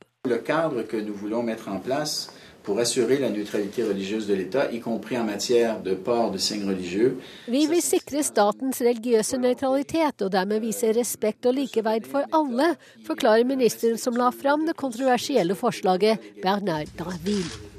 Euh, Men det viser seg at også innenfor separatistpartiet er det strid. Parlamentsmedlem Marie Mourani gikk offentlig ut med sin motstand mot forbudet, og meldte seg ut av partiet, ifølge henne, eller ble ekskludert, ifølge partiet. Flere partitopper støtter henne, blant dem separatisthøvding og tidligere statsminister i Quebec, Jacques Parisot. Ma famille aurait pu choisir de vivre en France, mais elle a choisi de vivre au Québec. Min familie kunne ha bestemt seg for å bosette seg i Frankrike, sa libanesisk-katolske Mourani da hun holdt pressekonferanse sist fredag. Men de valgte å komme til Quebec og leve i et fransktalende miljø i Nord-Amerika, fri for identitetsdiskusjonene som fortsatt eksisterer i Frankrike. En regjering må ikke utvikle en politikk som diskriminerer mot minoriteter, sa Maria Mourani. Aujourd'hui, j'annonce que je quitte le bloc québécois. Liberté! Moi, je porte le turban. Et je porte pas le turban par choix, je le porte. Turbanen min er en del av meg. Jeg bør ikke bli tvunget til å velge mellom min religion og min karriere, argumenterte sikhen Simranjit Padda under demonstrasjonen i Montreal. Mens Amina Boumedou tilbakeviser at hijaben påvirker hennes arbeid som radiograf på et sykehus. Vi behandler enhver pasient uansett religion, og forsøker ikke å prakke på noen våre lover. Aldri. Meningsmålinger viser at 66% av innbyggerne i Quebec støtter det nye lovforslaget, mot 42% på landsbasis. For det er mange som mener det samme som demonstrant Victor Muniz Fraticelli. At Canada skal være et sted der innvandrere er velkomne og kan holde sin kultur i hevd it does affect the society that I want to live in. I want to live in a society that is welcoming uh, and a society that uh, encourages uh, immigrants to express themselves as much as they embrace their national culture. Reportasjen var laget av Wenche Eriksen. Dette er Petos Nyhetsmorgen. Vi har disse hovedsakene. De kom til Norge for å jobbe, men nå ber stadig flere arbeidsinnvandrere om hjelp fra Nav. Å lære norsk er nøkkelen for å integrere dem i arbeidsmarkedet, sier tjenestedirektør Bjørn Gudbjørgsrud i Nav. LO går sammen med næringslivet for å kreve at Høyre sikrer oljeutvinning i nord. Og Oslo-politiet har pågrepet over 50 kriminelle vestafrikanere for narkotikalovbrudd på mindre enn to uker. Mens eh, valgvinnerne forsøker å sette sammen en ny regjering, så um, forbereder taperne seg på et liv i opposisjon, og eh, opposisjonsledere er på plass i Politisk kvarter, Per Arne Bjerke. De har styrt landet sammen i åtte år. Nå skal de drive politikk hver for seg. Jens Stoltenberg og Audun Lysbakken er gjester i Politisk kvarter.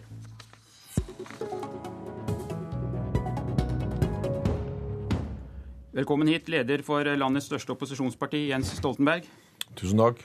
Hvilket forhold kommer du til å ha til Senterpartiet og SV når dere om fire uker går fra regjeringskvartalet til Stortinget? Jeg er trygg på at jeg kommer til å ha et godt forhold til begge de partiene. Ikke minst fordi vi gjennom eh, åtte år har samarbeidet eh, godt i regjering og lært hverandre å kjenne. Og har oppnådd resultater som vi er eh, veldig stolte av.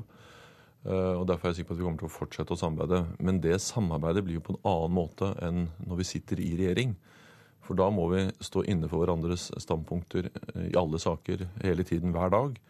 Mens det å være i Stortinget er en annen form, en annen eh, funksjon. Og da eh, er det ikke samme krav til at vi er samordnet i alle saker som vi er når vi er i regjering. Så nå kan du slåss fritt for å få konsekvensutredet Lofoten, Vesterålen og Senja, slik LO og næringslivet ber om i Dagens Næringsliv i dag? Jeg regner med at alle de tre partiene kommer til å være for det de er for i partiprogrammene eh, sine. Så kan det godt hende at vi vil sette oss ned i noen saker og samordne standpunkter og komme med felles politikk. Men altså kravet til at vi er enige i alle saker, er mindre i eh, storting enn i eh, regjering. Eh, og Det gjelder også konsekvensutredning. Arbeiderpartiet har sagt ja til konsekvensutredning, men vi har vært veldig tydelige på å skille spørsmålet om utredning og spørsmålet om beslutning basert på utredningen om en eventuell åpning for letevirksomhet. Og Det er for oss to ulike beslutninger. Vi har vært opptatt av at saken også skal tilbake til et landsmøte i Arbeiderpartiet før man eventuelt tar stilling til spørsmålet om åpning. Men det du sier nå må jo bety at det rød-grønne forpliktende samarbeidet det er gravlagt for i hvert fall fire år fremover? Jeg vil i hvert fall si at Det samarbeidet vi har hatt i åtte år i regjering, det eh, vil jo ikke eh, fortsette. Men det skyldes ikke at vi har, har, noe, fått noe, har noe dårlig forhold, men det skyldes at vi har andre funksjoner enn vi har når vi sitter i regjering. Og Det opplever jeg at alle tre partiene er innforstått med. Men samtidig så er jo veldig opptatt av å fortsette å arbeide for de sakene vi har felles. Enten det er rettferdig fordeling, eller det er arbeid for alle, eller det er et mer eh, mangfoldig og likestilt Norge, så er det store og små saker vi eh, kommer til å stå sammen om også i Stortinget. Hvor sannsynlig er det at Arbeiderpartiet i 2017, altså ved neste stortingsvalg, går til valg i en rød-grønn allianse sammen med Senterpartiet og SV? Det er godt mulig, men jeg har vært opptatt av at uh, nå kan vi ta oss uh, noe tid. Uh, Arbeiderpartiet har jo en tradisjon for å sitte alene i regjering og sitte i mindretall, og så forhandle i Stortinget. Vi har gode erfaringer med åtte år der vi har sittet i en flertallsregjering og funnet løsninger i regjering. Hva som blir alternativet foran 2017-valget, det tror jeg vi kan se litt an. Simpelthen fordi at det er bl.a. avhengig av utviklingen i Stortinget og utviklingen i våre partier. Du er inne på dette med mindretallsregjeringer, og det kom du også inn på i talen din til landsstyremøtet i går. Hvor føler du at Arbeiderpartiet har størst gjennomslag i en mindretallsregjering der dere jobber fra sak til sak i Stortinget, eller i en flertallsregjering hvor dere må inngå kompromiss på kompromiss før sakene i det hele tatt legges fram for Stortinget? Så Det er veldig avhengig av situasjonen i Stortinget og forholdet mellom eh, partiene. Jeg har vært med i Arbeiderpartiet i mindretallsregjering, og jeg følte at vi fikk veldig mye gjennomslag. Eh, ikke minst eh, første del av 1990-tallet. Men jeg har også vært med i Arbeiderpartiet i mindretallsregjering hvor jeg følte at uh, vi hadde veldig store problemer med å uh, få saker gjennom i Stortinget. Og det er også slik at uh, f.eks. i de regjeringene jeg deltok i da Gro Harlem Brundtland var statsminister, så måtte vi jo kompromisse i alle saker. Det var jo ikke én eneste sak vi fikk gjennom i Stortinget uten at vi kompromisset med minst et annet parti. Så kompromisser er jo ikke noe hva skal jeg si, særegent for uh, flertallsregjeringer. Det er del av den politiske virkeligheten så lenge ikke ett parti har rent flertall. Så dette er et pragmatisk forhold til. Eh, vi må gjøre det vi mener er best for å få gjennomslag for eh, politikken. Og jeg mener vi har gode erfaringer både med mindretallsregjeringer og med flertallsregjeringer der Arbeiderpartiet har deltatt. Og så har vi også opplevd at det å sitte i mindretallsregjering kan være veldig krevende. Eh, det så vi på slutten av 90-tallet, også i den regjeringen jeg ledet i 2000-2001. Hvor stor vekt vil du legge på å knytte kontakt til Kristelig Folkeparti, som akkurat nå sitter oppe i Nydalen, for å finne ut om det er grunnlag for en borgerlig firepartiregjering? Altså jeg vil starte med å si følgende, og det er at Jeg legger til grunn at de partiene som har sagt at de skal gi landet en ny regjering, og også Kristelig Folkeparti Venstre, som nå har vært klare på at de åpner for å støtte en regjering der Fremskrittspartiet deltar, de kommer til å bli enige. Eh, og eh, vi må da forberede oss på å være i opposisjon i fire år. Det var jeg veldig tydelig på overfor landsstyret i Arbeiderpartiet. Eh, men jeg har jo alltid ment at sentrum, da mener jeg hele sentrum, Eh, tjener mer, oppnår mer gjennom å samarbeide mot eh, Arbeiderpartiet og venstresiden enn å samarbeide med høyresiden og Fremskrittspartiet. Det standpunktet har jeg uavhengig av om Kristelig Folkeparti sitter i regjering med Fremskrittspartiet eller ikke. Det er noe jeg har ment i mange, mange år. Eh, og mener fortsatt. For jeg mener i forhold til fellesskap, rettferdig fordeling, i forhold til noe av de viktigste veivalgene vi gjør som samfunn, så har sentrumspartiene mer til felles med oss enn med Fremskrittspartiet. Kan du tenke deg en allianse med sentrum, da, uten SV? Nei, altså jeg kan først og fremst tenke en samarbeid med flere partier, sentrum venstre, men vi har gode erfaringer med det. Og så tror jeg vi ikke nå sitter og peker på enkelte eh, partier, eh, fordi at vi har nå fått en ny situasjon i Stortinget. Jeg legger til grunn at de fire partiene som nå sitter og eh, drøfter eller samtaler, at de blir enige, og så skal vi være i opposisjon. Og, og det å være i opposisjon er også en viktig del av demokratiet. Jeg måtte minne oss Arbeiderpartiets landsstyre om at det, er jo det er ikke sånn at Arbeiderpartiet alltid sitter i regjering. Selv om vi har sittet mange år i regjering, så har vi også hatt uh, år i opposisjon. Det er en del av demokratiet. Og jeg mener vi også har perioder hvor vi i opposisjon har hatt uh, si, god utvikling som parti. Uh, og det skal vi også sørge for denne gangen. Ved dette valget så tok velgerne et langt skritt mot Høyre. De borgerlige partiene, som jo alle har lovet å bidra til at du ble kastet, fikk over 53% av stemmene. Hvordan har dere tenkt å svare på denne høyredreiningen? Med å gi politiske svar. Og eh, vi tar det alvorlig, det vi har sett eh, i dette valget, der det er eh, en klare høyredreining. Og der Kristelig Folkeparti og Venstre gjør noe de ikke gjorde før, nemlig sier ja til å ha Fremskrittspartiet i regjering. Det er heller ikke så mange år siden Høyre sa nei til det. Både i forhold til deres syn på innvandring, men også i forhold til ansvarlig økonomisk politikk. Det er utfordring vi tar veldig alvorlig. Samtidig så lot vi, eller er er vi også opptatt av å se at det er noen positive trekk i dette valget. i forhold til at vi gikk klart fram gjennom valgkampen. Vi sa i går at vi vant valgkampen, men tapte valget. Fordi vi jo startet på for lave nivåer. Så selv om vi hentet en 3 prosentpoeng gjennom valgkampen mest av alle partier, så var ikke det nok til å vinne valget. Eh, og jeg er ganske trygg på at vi kan Eh, få gjennomslag for våre politiske saker og formulere en politisk budskap som vi kan vinne i 2017. Ja. Men svar helt ærlig nå, Stoltenberg. Vil det ikke være mye lettere å få økt oppslutning om Arbeiderpartiet når du slipper å ta hensyn til SV og Senterpartiet? Men dette er alltid en avveining, både for SV, Senterpartiet og Arbeiderpartiet, og i og for seg alle partier. Det er at man på den ene side selvfølgelig ønsker å øh, gå til valg, vise hva partiet selv står for. Det er derfor man er et eget parti med eget program men samtidig må ha eh, realistiske måter å få gjennomført den politikken på, og da må man samarbeide.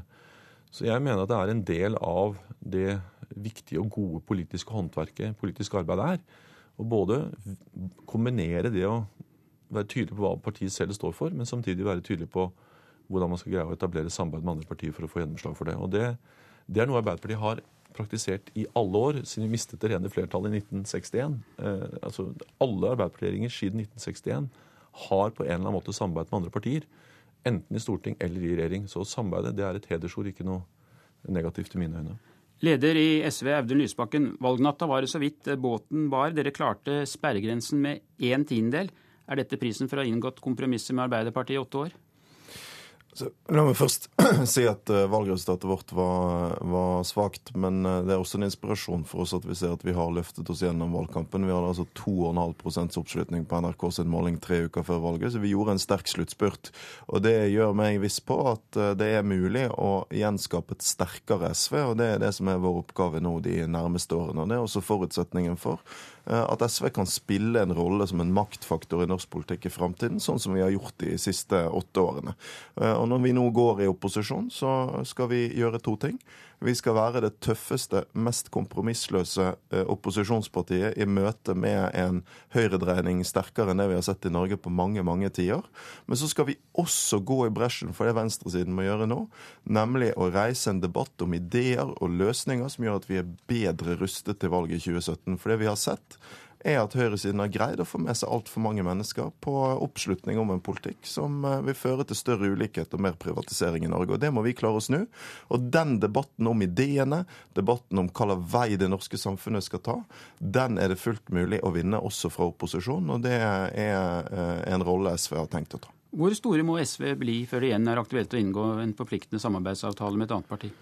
Du får ikke meg til nå å legge valgkampstrategien for 2017. Jeg må innrømme at akkurat nå så er jeg litt lei av valgkamp. Jeg har lyst til å bruke, bruke litt mer tid før vi, før vi, sier hva vi skal gjøre i 2017. Men det som er helt klart, er at de rød-grønne partiene kommer til å forbli venner. Vårt samarbeid blir selvfølgelig et annet i opposisjon, for det har ingen hensikt at jeg og Jens skal sette oss ned og lage kompromisser bare for å bli nedstemt i Stortinget. Og Det betyr at vi får se to ting.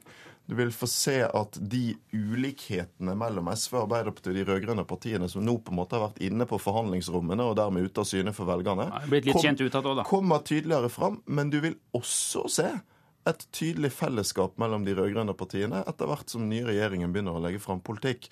For det vil vise at selv om vi er tre forskjellige partier som mener til dels veldig forskjellige ting, så har vi også et felles utgangspunkt i eh, en retning for Norge som er annerledes enn de partiene som nå vant valget. Det du sier nå, betyr at vi får se et radikalisert SV? Vi får se akkurat det samme SV som du har sett før, men i en annen rolle. Og Det betyr at vi i, i, i Stortinget vil fremme det som er våre primære standpunkter, vårt program, stemme for det. Og så vil vi stemme sammen med Arbeiderpartiet og Senterpartiet når vi er enige med Arbeiderpartiet og Senterpartiet. Gjennom de to siste årene så har dere vært med på å godkjenne at eh, norske soldater eh, deltar, eller de siste åtte årene at norske soldater deltar i to kriger, Afghanistan og Libya. Blir det nå slutt på enigheten i Stortinget når det gjelder norske utenlandsoperasjoner? Så SV har vært det eneste partiet som gjennom eh, mange år har vært kritiske til den norske deltakelsen i Afghanistan. Så har vi likevel valgt å ikke la det hindre oss i å ha innflytelse i andre saker i norsk politikk, men vi har vært en tydelig stemme i den debatten. Vi eh, kommer til, eh, også i det neste Stortinget, helt sikkert å være et parti som ser annerledes på utenrikspolitikken enn det eh, de fleste andre partiene gjør. Og vi kommer til å ha en tydelig egen stemme i dette Stortinget. Samtidig som vi skal ha det, så er min ambisjon at vi på et tidspunkt igjen skal få se en rød-grønn regjering i Norge. Men forutsetningen for det rød-grønne samarbeidet før 2005 var SV sin styrke. Og eh, vår oppgave nå er å gjenreise et sterkt SV som vil gjøre det mulig med eh, et sånt samarbeid igjen på et tidspunkt i fremtiden. Jens eh, Stoltenberg, når du sitter og hører på Lysbakken, så tyder det på at dere to kommer til å slåss mot hverandre i ganske mange saker. Utenrikspolitikk, miljøpolitikk. ja, men begreper slåss mot hverandre. Vi er, Vær uenige, da. Ja, men det er et veldig annet begrep i mine øyne. Altså, vi er to forskjellige partier. Vi har ulike standpunkter i en del eh, saker. Og da er vi uenige. Og det er en legitim del av uh, den politiske virkeligheten når to partier er to forskjellige partier. Men samtidig så mener jeg vi har vist at vi kan få til mye veldig bra sammen. I forhold til å sikre Europas laveste ledighet og snu den nedgangen vi så i skolen, til framgang. Og sørge for at vi fører en klimapolitikk som gjør at klimautslippene nå går ned. Og mange andre ting som vi er stolt av, som vi har fått til gjennom åtte år i regjering. Eh, og så er vi nå i opposisjon i Stortinget, eh, og da skal vi være venner, samarbeide, men selvfølgelig altså på en helt annen måte enn det vi gjorde da vi satt i regjering.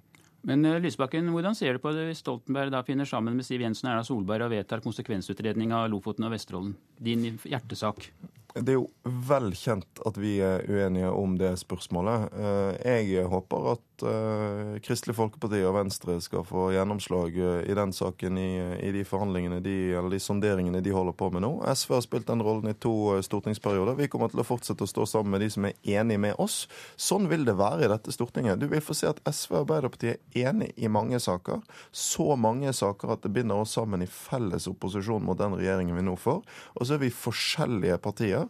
Det er derfor vi er to ulike partier, og det vil vi også se i årene som kommer. Det er totalt udramatisk, eh, men det er viktig at eh, de forskjellene kommer fram, akkurat som likhetene oss imellom kommer til å komme fram, i møte med altså, eh, en sannsynlig situasjon der Fremskrittspartiet skal få komme i regjering for første gang. Og Det er det aller viktigste vi står overfor nå. Felles motstand mot en regjering som vil trekke Norge i feil retning. Blir det egentlig litt ålreit Stoltenberg å komme tilbake til Stortinget og være litt uavhengig og virkelig kunne slåss for det du tror på, uten å ta alle mulige hensyn? Altså, jeg har slåss for det jeg tror på nå i åtte år. Og ikke bare har jeg slåss for det, men vi har også hatt gleden av å lede en regjering som har gjennomført en politikk jeg, jeg tror på, og som jeg er veldig eh, ja, stolt av. Eh, jeg tror det er veldig farlig å, å, si at man er fornøyd med å komme i opposisjon. Formålet med politikk er jo å forandre virkeligheten, og det gjør man lettere i regjeringskontorene enn i opposisjon. Og jeg slåss for å fortsette som statsminister. Men det er klart at det er eh, noen fordeler ved alt. Og det er også eh, mindre, altså, det er mindre forpliktelser. Eh, og det er også mindre krav til å være enig med SV og Senterpartiet i alle saker når man er i opposisjon. Og det er klart at da kan man mer rendyrke partiets profil. og det det tror jeg alle partier eh, setter pris på. Er du egentlig litt lettet, Lysbakken, over å kunne få drive i Stortinget uten å tenke på regjeringen? Ingen får meg til å være lettet over at Fremskrittspartiet og Høyre skal styre Norge. Eh, men vi har tenkt å ta den rollen vi nå får veldig på alvor. Vi skal være et knalltøft opposisjonsparti, og så skal vi legge grunnlaget for at norsk venstreside skal komme veldig sterkt tilbake. Og Der fikk du siste ord, og det var eh, Politisk kvarter. Jeg heter Per Arne Bjerke. Hør flere podkaster på nrk.no podkast.